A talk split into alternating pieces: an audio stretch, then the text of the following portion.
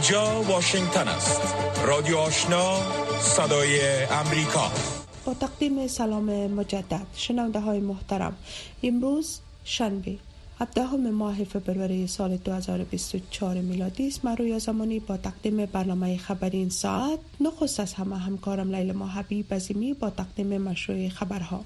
سلام و صبح بخیر مشروع خبرها. در آستانه برگزاری نشست دوحه در مورد افغانستان سخنگوی سرمنشی ملل متحد می گوید مهم است تا صدای زنان افغان در این نشست شنیده شود. استفن دوجارک در نشست خبری پنجشنبه در نیویورک گفت نشست دوحه با اشتراک نمایندگان ویژه کشورها و گروه های جامعه مدنی به شمول زنان برگزار خواهد شد. قرار است این نشست به میزبانی انتونیو گوترش منشی عمومی سازمان ملل متحد بر روزهای یکشنبه و دوشنبه هفته آینده در پایتخت قطر برگزار شود. دوجارک گفت گوترش پس از اشتراک در نشست امنیتی منشن در آلمان به روز یکشنبه وارد دوحه خواهد شد. و گفته دوجارک در نشست دو روزه دوحه در مورد چگونگی روی کرده افزایش مشارکت بین المللی به طور منسجم و هماهنگ بحث خواهد گردید. زنان فعال افغان گفتند که در این نشست زنان باید حضور پررنگ داشته باشند و نمایندگان واقعی زنان دعوت شوند. طالبان هنوز نگفتند که در نشست دوحه اشتراک می کنند یا خیر. دفتر هیئت معاونت سازمان ملل متحد در افغانستان یا یونما در گزارش تازه در مورد وضعیت زنان در این کشور نوشته است که شمار از زنان گفتند که از احتمال برسمیت شناسی حکومت طالبان بیم دارند. در این گزارش که دیروز جمعه منتشر شد آمده است که 67 درصد از زنان که سازمان ملل متحد با آنها مصاحبه کرده باور دارند که اگر حکومت طالبان به رسمیت شناخته شود تاثیر چشمگیر بر زندگی آنان خواهد داشت. بر اساس گزارش زنان می‌خواهند تا زمانی که طالبان تمامی محدودیت ها بر آنان را دور نکند جامعه جهانی حکومت طالبان را به رسمیت نشناسد.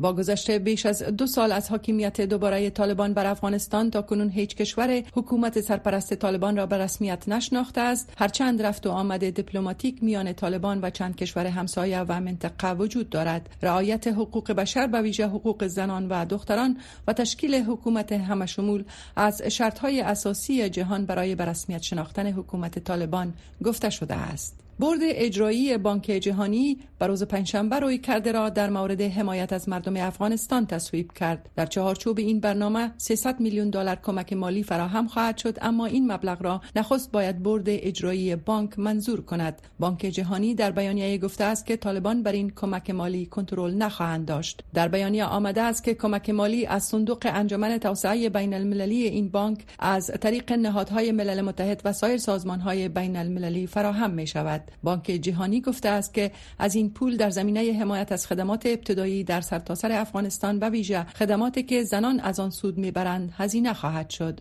هدف دیگر این کمک مالی احیای اجرای پروژه کاسا یک هزار گفته شده که کار این پروژه پس از بازگشت طالبان به قدرت در افغانستان در تابستان سال 2021 متوقف شد. کاسا یک یکی از پروژه های بزرگ در آسیای مرکزی است که با تطبیق آن برق تاجیکستان و قرقیزستان به افغانستان و پاکستان انتقال خواهد یافت. قایق حامل مهاجران افغان در سواحل پاناما غرق شد. مقامات در پاناما 16 ماه فبروری گفتند پس از غرق شدن یک قایق در سواحل کارای به پاناما دست کم چهار تن جان باختند. و گفته این مقامات قایق که روز چهارشنبه غرق شد حامل دست کم 27 مهاجر بود که اکثر آنان شهروندان افغانستان بودند. با این حال خبرگزاری اسوسییتد پرس گزارش داده است که در اثر غرق شدن این قایق دست کم 5 تن جان باخته است. بنابر گفته مقامات این قایق در نزدیکی جنگل دارین گپ غرق شده است. مسیری که سال گذشته نیز شماری از مهاجران از افریقای جنوبی از آن عبور کردند. وزارت امنیت عامه پاناما با نشر اعلامیه گفته است که چهار جسد به شمول دو مرد و دو زن پیدا شده اما هویت قربانیان تا کنون مشخص نشده است. مشروع خبرهای منطقه و جهان را از رادیو آشنا صدای امریکا دنبال می کنید حزب تحریک انصاف به رهبری عمران خان صدر اعظم سابق پاکستان می‌گوید که در پاسخ به تقلب سازمان یافته و سرقت آرا سر از امروز 17 فوریه تظاهرات مسالمت آمیز را آغاز خواهد کرد. این حزب که دو بر سوم کرسی ها را در انتخابات 8 فوریه پاکستان به دست آورده در شبکه اکس یا توییتر سابق از این مظاهرات خبر داده است. بر اساس نتایج کمیسیون انتخابات پاکستان حزب تحریک انصاف حدود 100 کرسی را به دست آورده اما هیچ یک از احزاب به شمول این حزب حزب کرسی های کافی را برای تشکیل حکومت کسب نکردند. عمران خان که در زندان به سر می‌برد در حال از تظاهرات مسالمت آمیز خبر داده است که یک روز قبل عمر ایوب نواسه جنرال ایوب اولین دکتاتور نظامی پاکستان را به حیث نامزد کرسی صدارت معرفی کرده است. عمر ایوب یکی از نزدیکان قابل اعتماد عمران خان در انتخابات اخیر کرسی پارلمان پاکستان را به دست آورده است. گزارش ها حاکی از آن است که منوچهر بختیاری فعال منتقد حکومت ایران به اتهام توهین به رهبر ارشد این کشور به شش ماه دیگر به حبس محکوم شده است. وبسایت گروه حقوق بشری ایران موسوم به هرانا به روز چهارشنبه تصویر از حکم شعبه ششم محکمه استیناف قزوین در پیوند به پرونده بختیاری را منتشر کرد. اما نگفته است که این حکم چی وقت صادر شده است. پیش از این محکمه دیگری در نهم ماه جنوری بختیاری را به 18 ماه حبس و 74 چهار ضرب شلاق محکوم کرده بود. بر اساس این گزارش بر او اتهام وارد شده است که قصد ارتکاب جرایم علیه امنیت ایران را داشته و همچنان می‌خواست گروهی را در فضای مجازی به هدف برهم زدن امنیت کشور انتشار دروغ و تبلیغ علیه نظام ایجاد کند. منوچهر بختیاری توسط نیروهای امنیتی با ضرب و شتم در خانهاش در تهران در ماه اپریل سال 2021 بازداشت و سپس به سه سال و شش ماه حبس محکوم شد. پسر بختیاری در سال 2019 در جریان اعتراضات در ایران کشته شده بود. ادامه تفصیل خبرهای جهان از رادیو آشنا صدای امریکا. دو تن از چهره های ارشد مخالفان حکومت بنگلادش پنجشنبه از زندان آزاد شدند. هزاران تن از اعضای حزب اپوزیسیون و هوادارانشان سال گذشته قبل از انتخابات ماه جنوری توقیف شدند. مرزا فخرالاسلام عالمگیر 76 ساله منشی حزب ملیگرای بنگلادش و امیر خسرو محمود چودری 74 ساله وزیر سابق تجارت شامل این افراد بودند. سیر الکبیر خان سخنگوی حزب در گفتگو با خبرگزاری فرانس پرس رهایی این دو نفر را تایید کرد. عالمگیر در اواخر ماه اکتبر سال گذشته یک روز پس از آن بازداشت شد که درگیری های خشونتبار بین پلیس و معترضان حزب ملیگرای بنگلادش رخ داد. معترضان خواستار استعفای صدر اعظم شیخ حسینه شده بودند. چودری چند روز بعد از عالمگیر توقیف شده بود. حزب ملیگرای بنگلادش و دهها حزب دیگر انتخابات عمومی را تحریم کردند و ادعا کردند که انتخابات برای دوام صدارت شیخ حسینه طراحی شده است. دیدبان حقوق بشر گفته است که مقام ها در تلاش آشکار برای سرکوب مخالفان و حذف رقابت پیش از انتخابات عمومی دست به بازداشت های گروهی زدند. الکسی نووالنی منتقد و مخالف سیاسی حکومت روسیه در زندان درگذشت. زندان منطقه یامالونینت در بیانیه دیروز از درگذشت نووالنی 47 ساله خبر داد. او دوره حبسش را در این زندان سپری می کرد. در بیانیه آمده است که نووالنی دیروز جمعه پس از قدم زدن وضعیتش خراب شد و از هوش رفت. اما این بیانیه به طور مستقل تایید نشده بود. خبرگزاری دولتی تاس روسیه به نقل از دیمیتری پسکوف سخنگوی رئیس جمهور ولادیمیر پوتین گزارش داد که با پوتین درباره مرگ نوالنی اطلاع داده شده است. این منتقد کرملن به اتهام هایی که گمان می رود عمدتا انگیزه سیاسی داشته باشد بازداشت و زندانی شده بود. مرگ الکسی نوالنی فعال سیاسی و منتقد حکومت روسیه در زندان واکنش های فراوانی را برانگیخته است. جک سولیوان مشاور امنیت ملی قصر سفید در مصاحبه با رادیو ملی امریکا گفته است این رویداد یک تراژدی وحشت وحشتناک خواهد بود. وی افزود که تاریخچه دراز مدت و زشت حکومت روسیه در زمینه آسیب رساندن به مخالفانش پرسش های واقعی و آشکار را به میان آورده است. اولاف شولتز صدر اعظم آلمان گفته است که نوالنی با جانش بهای شجاعت خود را پرداخت. استفن شجورنی وزیر خارجه فرانسه در شبکه اکس یا توییتر سابق نوشته است که مرگ منتقد کرملن در زندان یادآور واقعیت رژیم ولادیمیر پوتین است. شارل مشل رئیس شورای اروپایی گفته است که نوالنی آخرین فداکاری را در مبارزه برای های آزادی و دموکراسی انجام داد. قصر سفید تایید کرده است که روسیه به یک توانایی ضد اقمار مصنوعی دست یافته است اما تا هنوز هیچ تهدید فوری وجود ندارد. جان کربی سخنگوی شورای امنیت ملی قصر سفید 15 فوریه به خبرنگاران گفت می تواند این موضوع را تایید کند اما در حال حاضر هیچ تهدید برای امنیت کسی وجود ندارد و این صلاح نیست که از آن بتوان برای حمله بر انسانها یا ایجاد تخریب فیزیکی در روی زمین استفاده کرد. این اظهارات قصر سفید یک روز پس از آن صورت گرفته است که مایک تورنر رئیس کمیته استخبارات مجلس نمایندگان امریکا از اداره رئیس جمهور بایدن خواست تا اطلاعات مربوط به آنچه را که او آن را تهدید جدی بر امنیت ملی خواند ارائه کند. روسیه این نگرانی ایالات متحده را کم اهمیت جلوه داده گفته است که این ادعا یک فریب برای جلب حمایت کانگرس امریکا از کمک به اوکراین است. پایان مشروع خبرهای افغانستان و جهان تا این ساعت از رادیو آشنا صدای امریکا. شما شنونده برنامه های صبحگاهی از امواج رادیو آشنا صدای امریکا هستین. مشروع خبرها را شنیدید و حالا می پردازیم به گزارش های این بخش برنامه. کمیته روابط خارجی مجلس نمایندگان کنگرس ایالات متحده روز پنجشنبه جلسه استماعی را زیر نام پشت صحنه چگونه اداره بایدن در تطبیق توافقنامه دوحه ناکام شد؟ با حضور زلمه خلیلزاد نماینده پیشین ایالات متحده در مورد مسائل افغانستان برگزار کرد. در تازه ترین واکنش پس از مجلس استماعی روز گذشته قصر سفید گفت که در این باره وضاحت داده شده و نیاز به توضیح بیشتری نیست. در این مورد گزارش را تقدیم شما می کنم. در مجلس استماعی روز پنجشنبه در کمیته روابط خارجی مجلس نمایندگان امریکا نحوی دسترسی به توافق دوحه موفقیت عدم موفقیت پیامدهای خروج نظامیان امریکایی از افغانستان حقوق زنان پس از حاکمیت طالبان در افغانستان و حتی سرنوشت افغانهای تخلیه شده و آن افرادی که با نیروهای امریکایی کار می‌کردن و هنوز در افغانستان حضور دارند. از موضوعات بود که اعضای کمیته روابط خارجی مجلس نمایندگان امریکا با زلمه خلیلزاد نماینده پیشین امریکا در امور سال افغانستان بحث کردند. آقای خلیلزاد در این نشست گفت که پس از که جو بایدن به قدرت رسید برای رسیدگی به توافق دوحه سه گزینه بیشی نداشت. یا از توافقنامه خارج می شد یا توافقنامه را عملی می کرد و تغییرات در آن ایجاد می نمود یا هم خروج قوا را با توافق سیاسی میان طرفین افغان ربط می داد یا اینکه بدون این ارتباط نیروها را از افغانستان بیرون می کرد و یا نیروهای مبارزه با دهشت افغانی امریکا را در افغانستان نگه می داشت خلیلزاد گفت که جو بایدن رئیس جمهور ایالات متحده حراس داشت که با پس کشیدن از توافقنامه دوحه سبب طولانی شدن جنگ دراز مدت امریکا می شود. خروج نیروهای نظامی امریکایی مشروط به توافق سیاسی بین دو طرف افغانی نبود. توافقنامه دوحه مبتنی بر شرایط بود و رئیس جمهور بایدن حفظ شمار محدود قوای امریکایی را در افغانستان رد کرد. زیرا حراس داشت که نمر ممکن سبب طولانی شدن جنگ شود. مایک مکال رئیس این کمیته در سخنرانی افتتاحیه این استماعی که شمار از بستگان 13 سرباز کشته شده امریکایی در جریان عملیات تخلیه نظامی از افغانستان حضور داشتند طالبان را تروریست و ناقض توافقنامه دوحه خواند.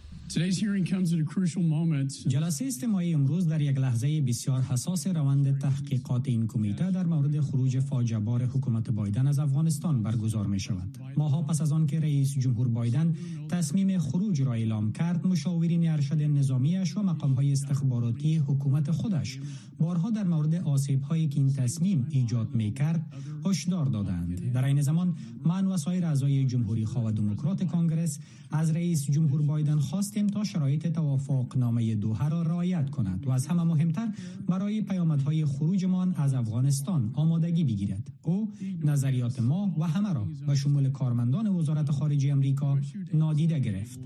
از سوی هم خلیلزاد باری دیگر اشرف غنی رئیس جمهور پیشین افغانستان را در این تحولات مقصر خوانده گفت که فرار ناگهانی محمد اشرف غنی رئیس جمهور پیشین امریکا از کشورش منجر به ایجاد صد برای گذار و توافق سیاسی در افغانستان شد. اما غنی سال گذشته در مصاحبه گفت که دست های متعددی در سقوط جمهوریت نقش داشته. به ویژه زلمه خلیلزاد و عبدالله عبدالله رئیس پیشین شورای مصالحه ملی افغانستان. خلیلزاد در آن زمان در واکنش به اظهارات غنی با رسانه ها گفته بود که غنی بار ملامت ناتوانیش را در انجام امور و مسئولیت آیش به دوش دیگران می اندازد. قصر سفید از زمان خروج نظامیانش از امریکا تا کنون از این تصمیم بایدن دفاع کرده و گفته است که تصمیم خروج نظامیان امریکایی را از افغانستان بر اساس مشورت با مقام های دیپلماتیک و نظامی امریکا و با در نظر داشت منافع ملی ایالات متحده اتخاذ کرده است. در تازه ترین واکنش پس از مجلس استماعی روز گذشته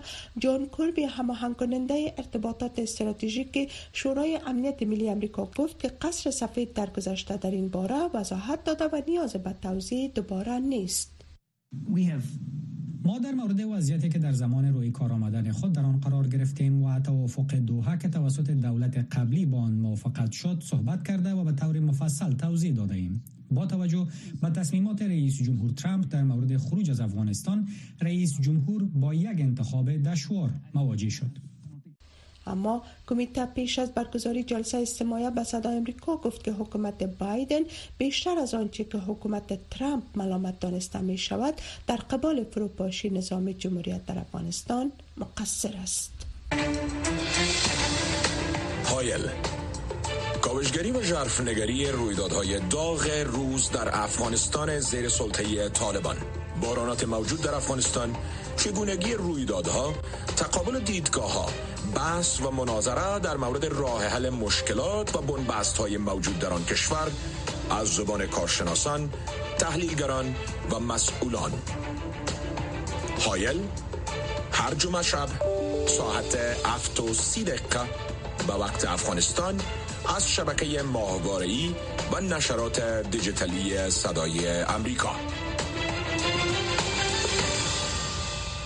در ادامه گزارش ها پلوشه حسن مسئول ارشد برنامه های سازمان جهانی مینالست درباره توقعات از نشست هفته آینده دوحه در قطر می‌گوید که نشست دوحه برای در میراق قرار دادن افغانستان در از آن جامعه بین المللی خیلی ضروری می باشد خانم حسن به صدای امریکا گفت که در حضور یا عدم حضور طالبان در این نشست جهان باید که موقف واحد را در قبال حکومت طالبان اختیار کند. با باور پلوشه حسن طالبان با عدم شرکت در این نشست موقف و جایگاه خود را از دست خواهند داد. این برنامه مثل که می‌فهمیم بار دوم است که در دوها ترتیب میشه سال گذشته. نماینده های خاصی کشورهای مختلف بر افغانستان یک جا شدن در دوها با دعوت سرمنشی ملل متحد. و این بار دوم است در این جریان یک راپور خاص مثل که شما خبر دارین توسط کوردینیتر خاص در مورد وضعیت افغانستان پیشنهاد شد و در اثر از این راپور بحث پیشنهادات به شورای امنیت داده شد که از جمله مقرری نماینده ویژه به خاطر افغانستان است و یک گفتمانی که به اصطلاح زمینی یک حکومت فراخ بنیاد در افغانستان مساعد بسازه. و همچنین از همگی قدم مهمتر سر مسائل حقوق بشری و حقوق زنان تاکید کرد. سرپرست وزارت خارجه طالبان شرط های حکومت گروه را بر اشتراک در نشست ملل متحد درباره افغانستان در دوحه اعلام کرده. و گفته که اگر این شرط ها پذیرفته نشه هیئت این گروه در این نشست اشتراک نخواد کن نخواد بکنه. فکر نمی کنین که این نشست و این شرایط هایی که طالبان در اشتراک برای نشست گذاشتن بر نشست دوحه تاثیر منفی بگذاره؟ ما فکر می‌کنم که با وجود طالبا اور بدون وجود طالبا دنیا بینالمللی یک موقعیت واحد در مقابل افغانستان اختیار خواهد کنه. اگر طالبا اشتراک نکنند در واقع اونا فرصت خود از دست میدن. به خاطر که مدت بیشتر از دو سال است طالبا حکومتش از طرف جامعه جهانی شناخته نشده. اما یک دورنگی در قسمت روابط امرای طالبا توسط کشورهای مختلف فعلا جریان است. می‌فهمین که مثلا چین سفیرشان قبول کرده یا اما هیچ کشور تا حکومت طالبان را نشناخته. یک فرصت بسیار بزرگ و هم به خاطر خاطر خود طالبان هم است. به خاطر که یک رای که به اصطلاح قابل قبول به سایر افغان و طالبان باشه می‌تونه که به اصطلاح استپ اول قدم اولش از همین جنها شود. بسیاری از مردم افغانستان البته به این نظر هستند که گفتگوهای بین الافغانی برای حل بحران سیاسی در افغانستان باید صورت بگیره. به نظر شما آیا واقعا نیاز به آغاز چنین گفتگوهای وجود داره؟ این خوب خوب است که در افغانستان صورت بگیره اما اول باید شرایطش در افغانستان با وجود بیاید چقدر مردم محفوظ هستند که مثلا پس بر افغانستان برگرده و برز اونا خطر نباشه اما فقط یکی دو روز پیش یکی از قایدی صاحبایی که در جرمنی رفته بودن به ایران دیدیم که بسیار مسئله کدنپینگ و بسیار مسائل دیگه خطر صورت گرفت. با باید از بیرون به یک اندازه شروع شود اما اشتراک مردم افغانستان بسیار مهم است و نظر اول از کسایی باشه که فعلا در افغانستان زندگی می‌کنه اما به این معنا که او مردم باید امو زمینه برشان مساعد شود که بتانن نظر آزاداری خود داده بتانن مخصوصا زنا که فعلا بسیار حق و حقوقشان سلب شده. چطور می‌تونن که اشتراک مستقل و آزادانه داشته باشن صدای شما. صدا و نظریات شما در مورد مسائل سیاسی اقتصادی فرهنگی اجتماعی و صحی از ساعت ده تا دو شب در برنامه مشترک دری و پشتوی رادیو آشنا صدای امریکا. در ادامه گزارش ها دختران دانشگاهی افغانستان می‌گویند با ادامه مسدود ماندن دروازه های دانشگاه ها بر روی دختران هیچ آینده روشنی نمی‌توانند برای خود تصور کنند. فاطمه خالقی یک از دختران دانشگاهی می‌گوید این وضعیت همچنان باعث بروز افسردگی روحی در میان دختران دانشگاهی شده است. شار بیشتر را در این مورد از فوزی احسان میشنوید که پای صحبت های فاطمه نشسته و این گزارش را تهیه کرده است.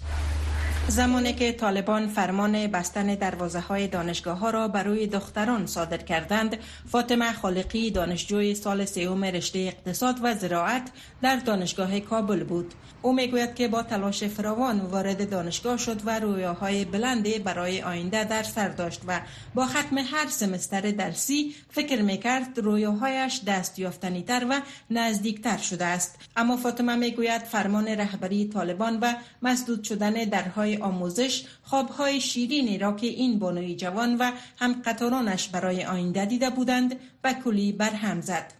همچنان محصل بودم.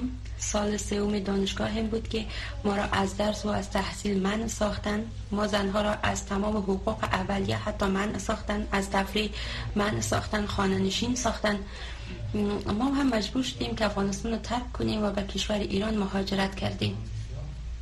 در کشور ایران هم کسی به صدا و به مشکلات مهاجرین رسیدگی نمی‌کنه. اینجا هم نمی‌تونیم درس بخوانیم یا به تحصیل خود ادامه بدیم. فاطمه می‌گوید که در نتیجه مسدود شدن دروازه های مراکز تحصیلات عالی دختران دانشگاهی پراگنده و سرگردان شدند تعداد خواسته و یا ناخواسته ازدواج کردند تعدادی با خانواده های خود افغانستان را ترک کردند که اکثرشان در ایران و پاکستان پناهنده شدند و تعدادی هم در داخل افغانستان با بی برنامگی و بی سرنوشتی روز و ماه و سال را سپری می کنند. فاطمه می گوید این وضعیت باعث بروز افسردگی در میان بانوان دانشگاهی افغانستان شده است. ما زنهایی که از درس و از تحصیل باز ماندیم از تمام حق و حقوق خود در افغانستان منع شدیم ما از افسردگی رنج می‌بریم ما از حالت روحی و روانی خراب برخوردار هستیم. آینده ما و سرنوشت ما معلوم نیست. ما زنها دوست داشتیم مستقل باشیم دوست داشتیم کار کنیم پیشرفت کنیم ولی دیگه تمام خوابا و رویاهای ما زنها از بین رفته. اما با وجود این همه آزمون ها فاطمه فکر می کند این وضعیت دائمی نیست و به باور او روز دروازه های دانشگاه ها برای دختران باز خواهد شد. با تلاش و با کوشش و با آموختن علم ما می‌تونیم که به جهالت پیروز شویم. و فکر نکنین دروازه دانشگاه ها و مکاتب که بسته است یعنی که دیگه شما نمی‌تونین چیزی بیاموزین. این روزا میگذره و بالاخره روزی می‌رسه که ما هم دوباره روزای روشن بروبری خود داریم.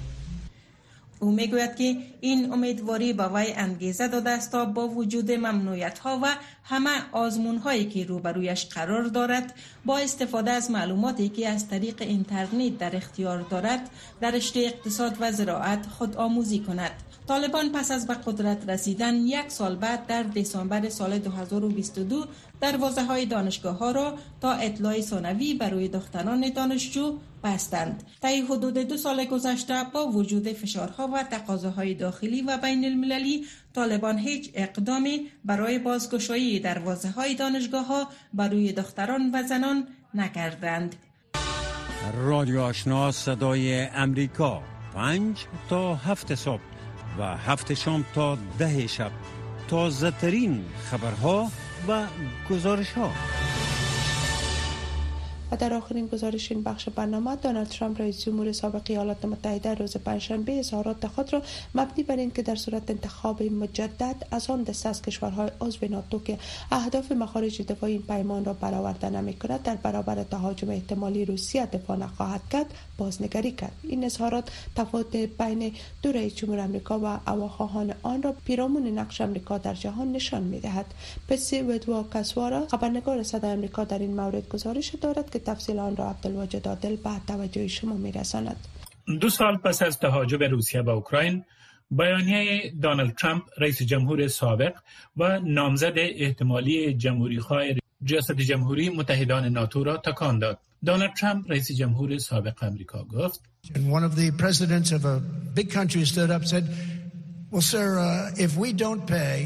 یکی از رؤسای جمهوری کشور بزرگ بلند شد و گفت خوب آقا اگر ما پول ندهیم و روسیه به ما حمله کند از ما محافظت می‌کنی؟